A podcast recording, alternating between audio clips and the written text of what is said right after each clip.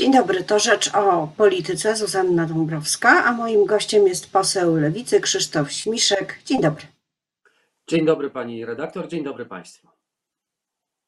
Czy dotarło, dotarło już do pana przesłanie y, komendanta stołecznego, który wydał instrukcję podległym sobie jednostkom, którą, y, jednostkom, y, którą można streścić w takim poleceniu nie negocjujemy, działamy. I w związku z tym działaniem wczoraj działaczki warszawskiego strajku kobiet oraz pani Klementyna Suchanow, jedna z liderek strajku, zostały siłą usunięte sprzed Ministerstwa Edukacji Narodowej. E, blokowały Aleję Szucha, nie pozwalały przejeżdżać e, samochodom, a zgromadzenie było nielegalne.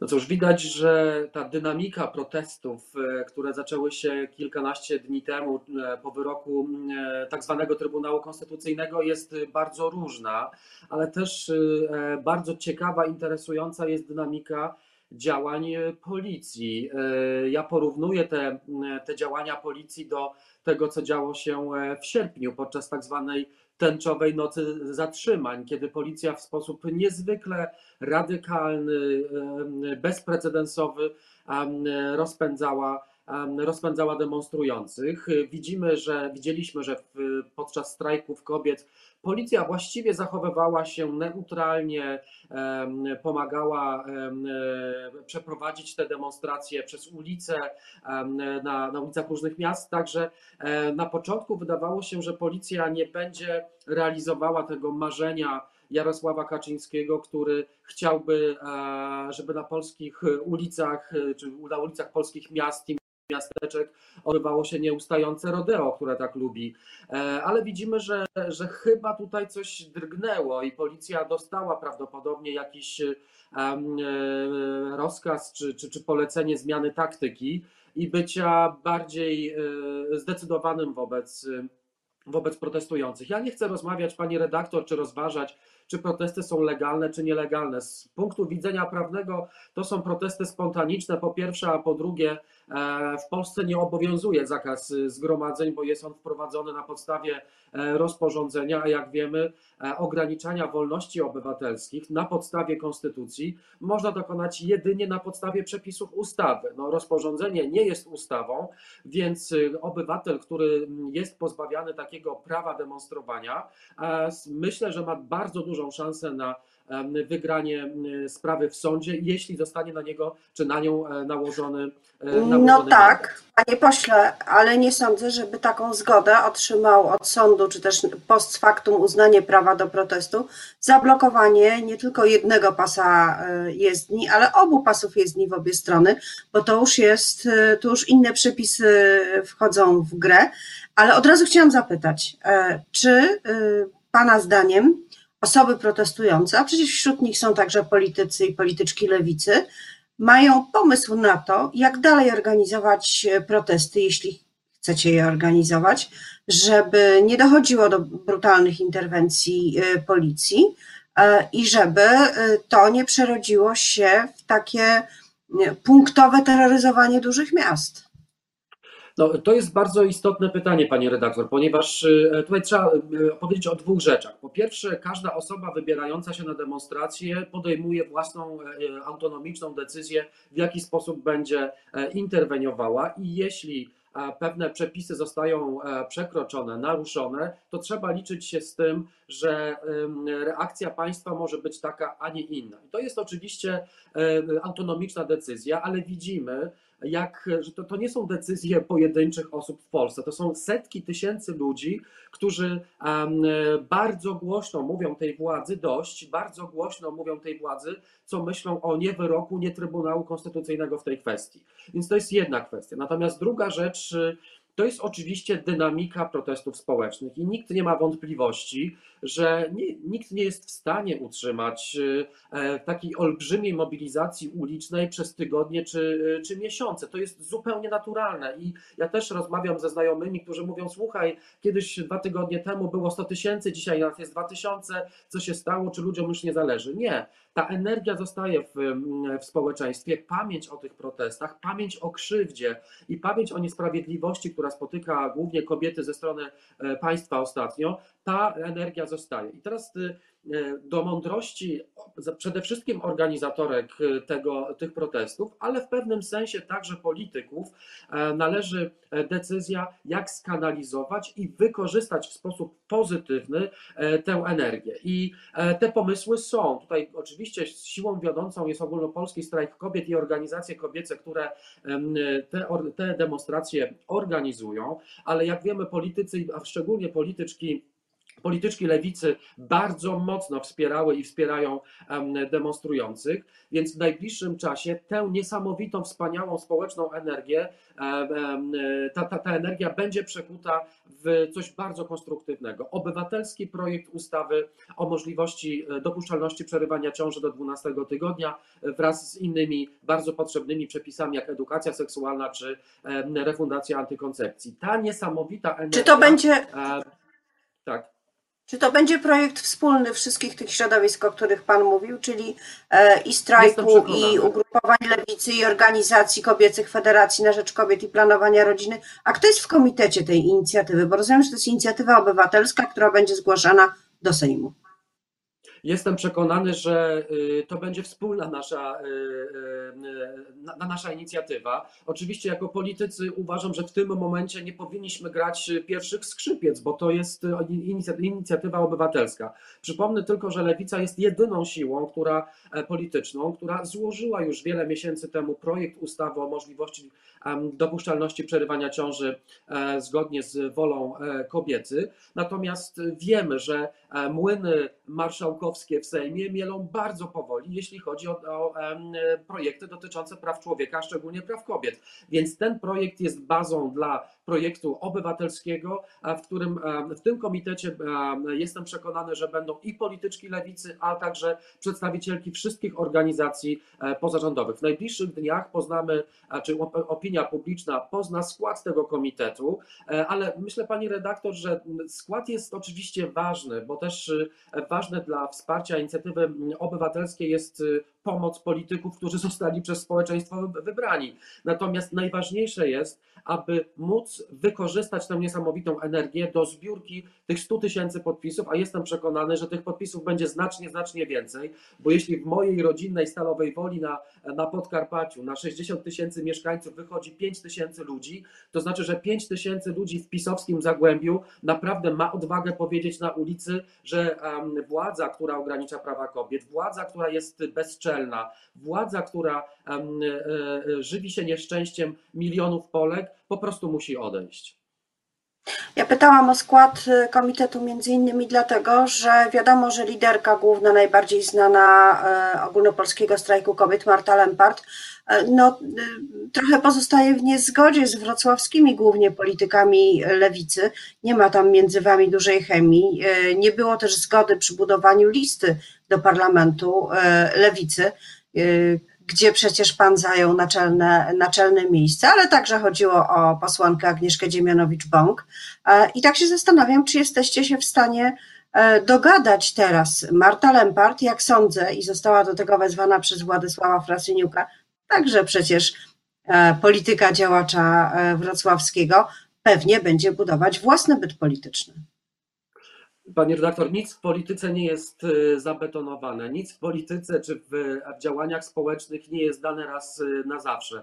To jest piękne w działalności społecznej, że e, ta energia jest ciągle przekuwana na różne, e, na różne ruchy, na różne e, inicjatywy. Ja absolutnie jestem od roku w polityce i widzę, że pewne napięcia, czy może jakieś nieporozumienia, one naprawdę schodzą na dalszy plan w momencie, kiedy coś ważniejszego jest na horyzoncie. A najważniejszym dzisiaj celem na horyzoncie dla wszystkich postępowych środowisk prodemokratycznych jest zatrzymanie zatrzymanie tego barbarzyństwa. Ja naprawdę e, jestem w stanie dogadać się z każdym, żeby, e, żeby e, to barbarzyństwo zatrzymać. Lewica także złożyła bardzo szybko w odpowiedzi na wyrok, tak zwany wyrok Trybunału Konstytucyjnego projekt ustawy ratunkowej, która by w pewnym sensie była taką protezą do czasu uchwalenia porządnej, europejskiej, cywilizowanej ustawy o przerywaniu ciąży, byłaby takim rozwiązaniem. To znaczy złożyliśmy projekt o dekryminalizacji aborcji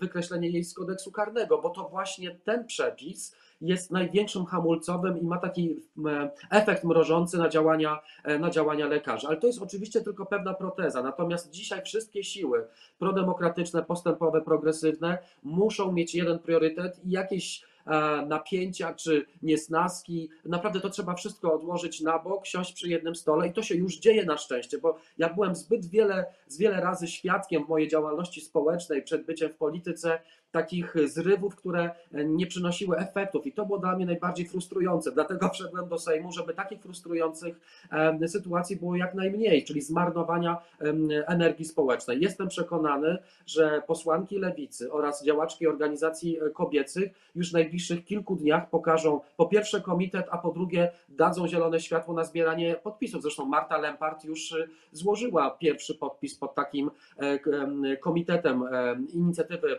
obywatelskiej Obywatelskiej. Złożyła to ten podpis w Elblągu e, w obecności posłanki lewicy Moniki, Moniki Falej, więc e, tutaj naprawdę, jeśli, tego, jeśli tym razem nam się nie uda, to znaczy, że jako Polacy po prostu nie potrafimy się dogadać, ale wierzę, że tym razem będzie zupełnie inaczej. E, to jeszcze jedno takie stricte polityczne pytanie, bo y, działania lewicy i y, aktywistek y, na ulicach i w organizacjach to jedno, a to, co będzie działo się w Sejmie, to drugie. Pan wspomniał o tej ustawie depenalizującej, dekryminalizującej aborcję. To jest ustawa chyba przygotowana przez posłankę Biejat, ale przecież Zjednoczona Prawica ma pokazać swoje propozycje na wyjście z pata po e, werdykcie Trybunału Konstytucyjnego kierowanego przez Julię Przyłębską. E, co będzie się działo w Sejmie 18 i 19? Czy e, będzie pokazany jakiś projekt Pana zdaniem? Solidarna Polska ja też myślę, przygotowuje. No, mamy dzisiaj sytuację bardzo skomplikowaną, to znaczy żadnemu środowisku na prawicy E, nie podoba się efekt e, chyba tego nie wyroku Trybunału Konstytucyjnego i każdy dzisiaj na prawicy próbuje łatać tę e, sytuację. Czy ja mam takie wrażenie, że mm, po tym tak zwanym wyroku PiS zachowuje się jak taki złodziej, który kobietom w Polsce ukradł tysiąc złotych, a, po, po paru tygodniach przychodzi i oddaje dwa złote i mówi, że w sumie mm, zawrzyjmy kompromis i nie miejmy do siebie żalu. No nie. E, myślę, że tutaj te dwa tygodnie było potrzebne Prawu i Sprawiedliwości na wygładzenie tych wzburzonych fal, które w Prawie i Sprawiedliwości, czy w Zjednoczonej Prawicy się pojawiły. Widać, że mamy ostry kurs Solidarnej Polski, która nie chce odpuścić tematu, a chce chyba przedstawić jakąś ustawę, która będzie wymieniała poszczególne y, wady płodu, które będą kwalifikowały albo nie kwalifikowały do zabiegu przerywania ciąży.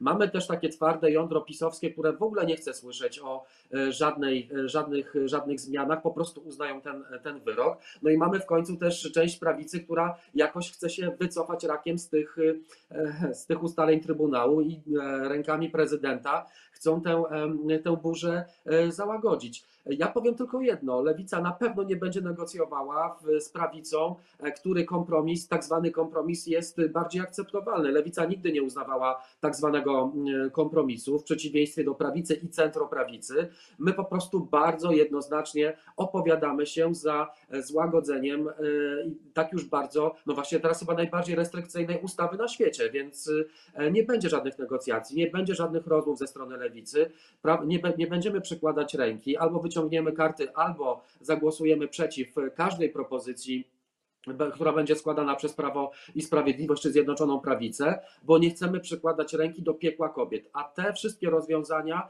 e, są takimi malu, malusieńkimi plastrami na to olbrzymie piekło kobiet, które zgotowało e, polskim kobietom Prawo i Sprawiedliwość. Częścią e, tych, e, tej zmiany, która się dokonuje, zmiany także atmosfery politycznej, niektórzy mówią o e, odbiciu wahadła z radykalnie prawej strony, trochę bardziej do centrum. Częścią tego wszystkiego jest to, co dzieje się w kościele.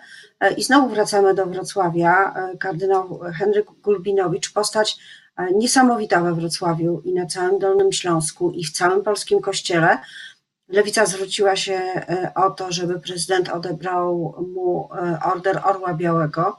E, Watykan pozbawił go godności biskupich. Jaki to będzie miało skutek dla, dla Kościoła, dla osób wierzących, Pana zdaniem?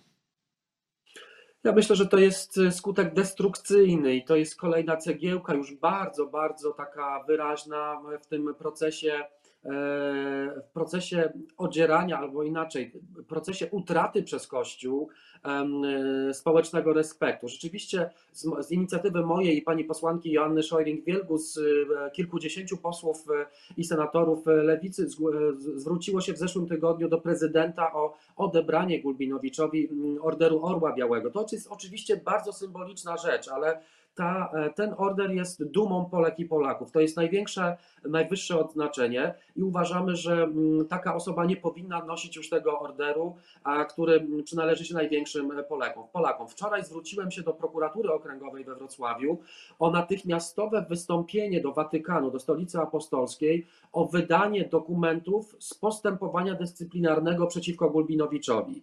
Wydaje się czymś absolutnie absurdalnym, absolutnie niezrozumiałym, dlaczego w świetle tych najnowszych ustaleń innego państwa, stolicy apostolskiej wobec swojego urzędnika wysokiego, e, polska prokuratura już czwarty dzień śpi, to znaczy w piątek powinna wejść na Ostrów Tumski i zbadać i zabezpieczyć wszystkie dokumenty. Mamy wtorek, nic się nie dzieje. Wystąpiliśmy także jako Lewica Dolnośląska o odebranie kilkunastu honorowych obywatelstw, które miasta i miasteczka dolnośląskie przyznały Gulbinowiczowi, a także wystąpiliśmy do Politechniki Wrocławskiej, Akademii Medycznej i innych uczelni wyższych dolnośląskich, które nadały mu tytuł doktora honoris causa. Ale pani redaktor, to są takie działania, które y, y, można powiedzieć, że znajdują się w sferze symbolicznej, ale najważniejsze jest to, że y, dzisiaj mamy do czynienia z e, bardzo przyspieszonym procesem upadku autorytetu Kościoła katoli- katolickiego. Ci wszyscy, którzy byli Ja jeszcze dodam- milionów Polaków, tak, Ja jeszcze dodam jeden element do tego i chciałabym, żeby Pan się też odniósł, ponieważ e, TVN24 wyemitowało e, dokument e, dotyczący kardynała Dziwisza, najbliższej, najbliższego współpracownika e, papieża Jana Pawła II.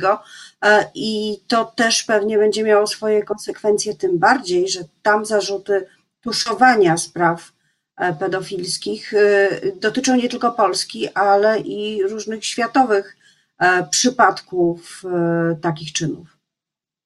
Tak, tak jak powiedziałem, jesteśmy świadkami bardzo szybkiego procesu upadku moralnego, ale także upadku autorytetów, które przez wiele lat uważaliśmy za nasze busole. Ta busola już nie działa, ta busola się zepsuła. E, e, Henryk Gulbinowicz, który był em, uważany przez Pol, e, Dolnoślązaków, ale także przez całą Polskę za bohatera, okazuje się, że ma podobną historię jak ksiądz Jankowski. To znaczy cały establishment y, dolnośląski albo establishment pomorski w przypadku e, Jankowskiego otaczał go jakąś e, aurą y, ochrony. Wszyscy szeptali po kątach przez wiele lat, że dzieje się za, za, za bramą pałaców biskupich e, czy arcybiskupiego na Ostrowie Tumskim. Dzieją się rzeczy różne, powiedziałbym budzące grozę e, i nikt y, nie reagował. Podobnie z kardynałem Dziwiszem. Przecież wszyscy przez lata, wszyscy, wiele osób y, przez lata, Polacy, uważali go za pewne, pewien wyznacznik tego, jak e, powinien działać e, wysoki duchowny e, watykański. I dzisiaj mamy e, czarno na białym nomen, omen, nomen e, sytuację, w której e, widzimy człowieka, który kompletnie nie rozumie, co się wydarzyło. Widzimy ludzi, którzy kompletnie nie przyjmują do wiadomości, że robili przez całe życie coś bardzo, e, bardzo złego. Albo kryli, albo mieli wiedzę, albo przenosili z parafii do parafii, jak na Dolnym Śląsku. Ja przecież też półtora roku temu wystąpiłem do prokuratury w sprawie arcybiskupa Gołębiewskiego, który przenosił księdza pedofila z e, parafii do parafii. Co się okazało? No, prokuratura umorzyła postępowanie. Wprawdzie z uwagi na przedawnienie, ale ja stawiam pytanie bardzo mocno. Gdzie przez te lata była prokuratura? E, I dzisiaj Polacy otwierają oczy. Ten kościół nie jest święty, ten kościół jest grzeszny, ten kościół ma bardzo dużo za uszami, ten kościół jest chciwy, ten kościół jest zakłamany, ten, ten kościół jest zepsuty i zdemoralizowany. I ten kościół już nigdy nie, od, nie odzyska swojego autorytetu, i ta, ten przyspieszony proces laicyzacji, te wystąpienia z kościoła masowe, te apostazje, te e, bardzo coraz mniejsze liczby uczniów chodzących na religię, to nie jest wina zgniłego Zachodu, to nie jest wina LGBT, to nie jest wina feministek czy, czy aborcji, to jest albo Netflixa, jak niektórzy mówią. To jest wina samych hierarchów i z wszystkich tych, którzy uważali się przez lata za bogów, a dzisiaj to są e, upadłe anioły. No i z pytaniem o to, co pojawi się, jeśli Kościół utraci swój autorytet, bo jak wiadomo, ani przyroda, ani społeczeństwa nie znoszą próżni. Zostawimy dzisiaj Państwa, a posłowi Krzysztofowi Śmiszkowi z Lewicy bardzo dziękuję za tę rozmowę. Dziękuję serdecznie. Dziękuję, pozdrawiam, miłego dnia.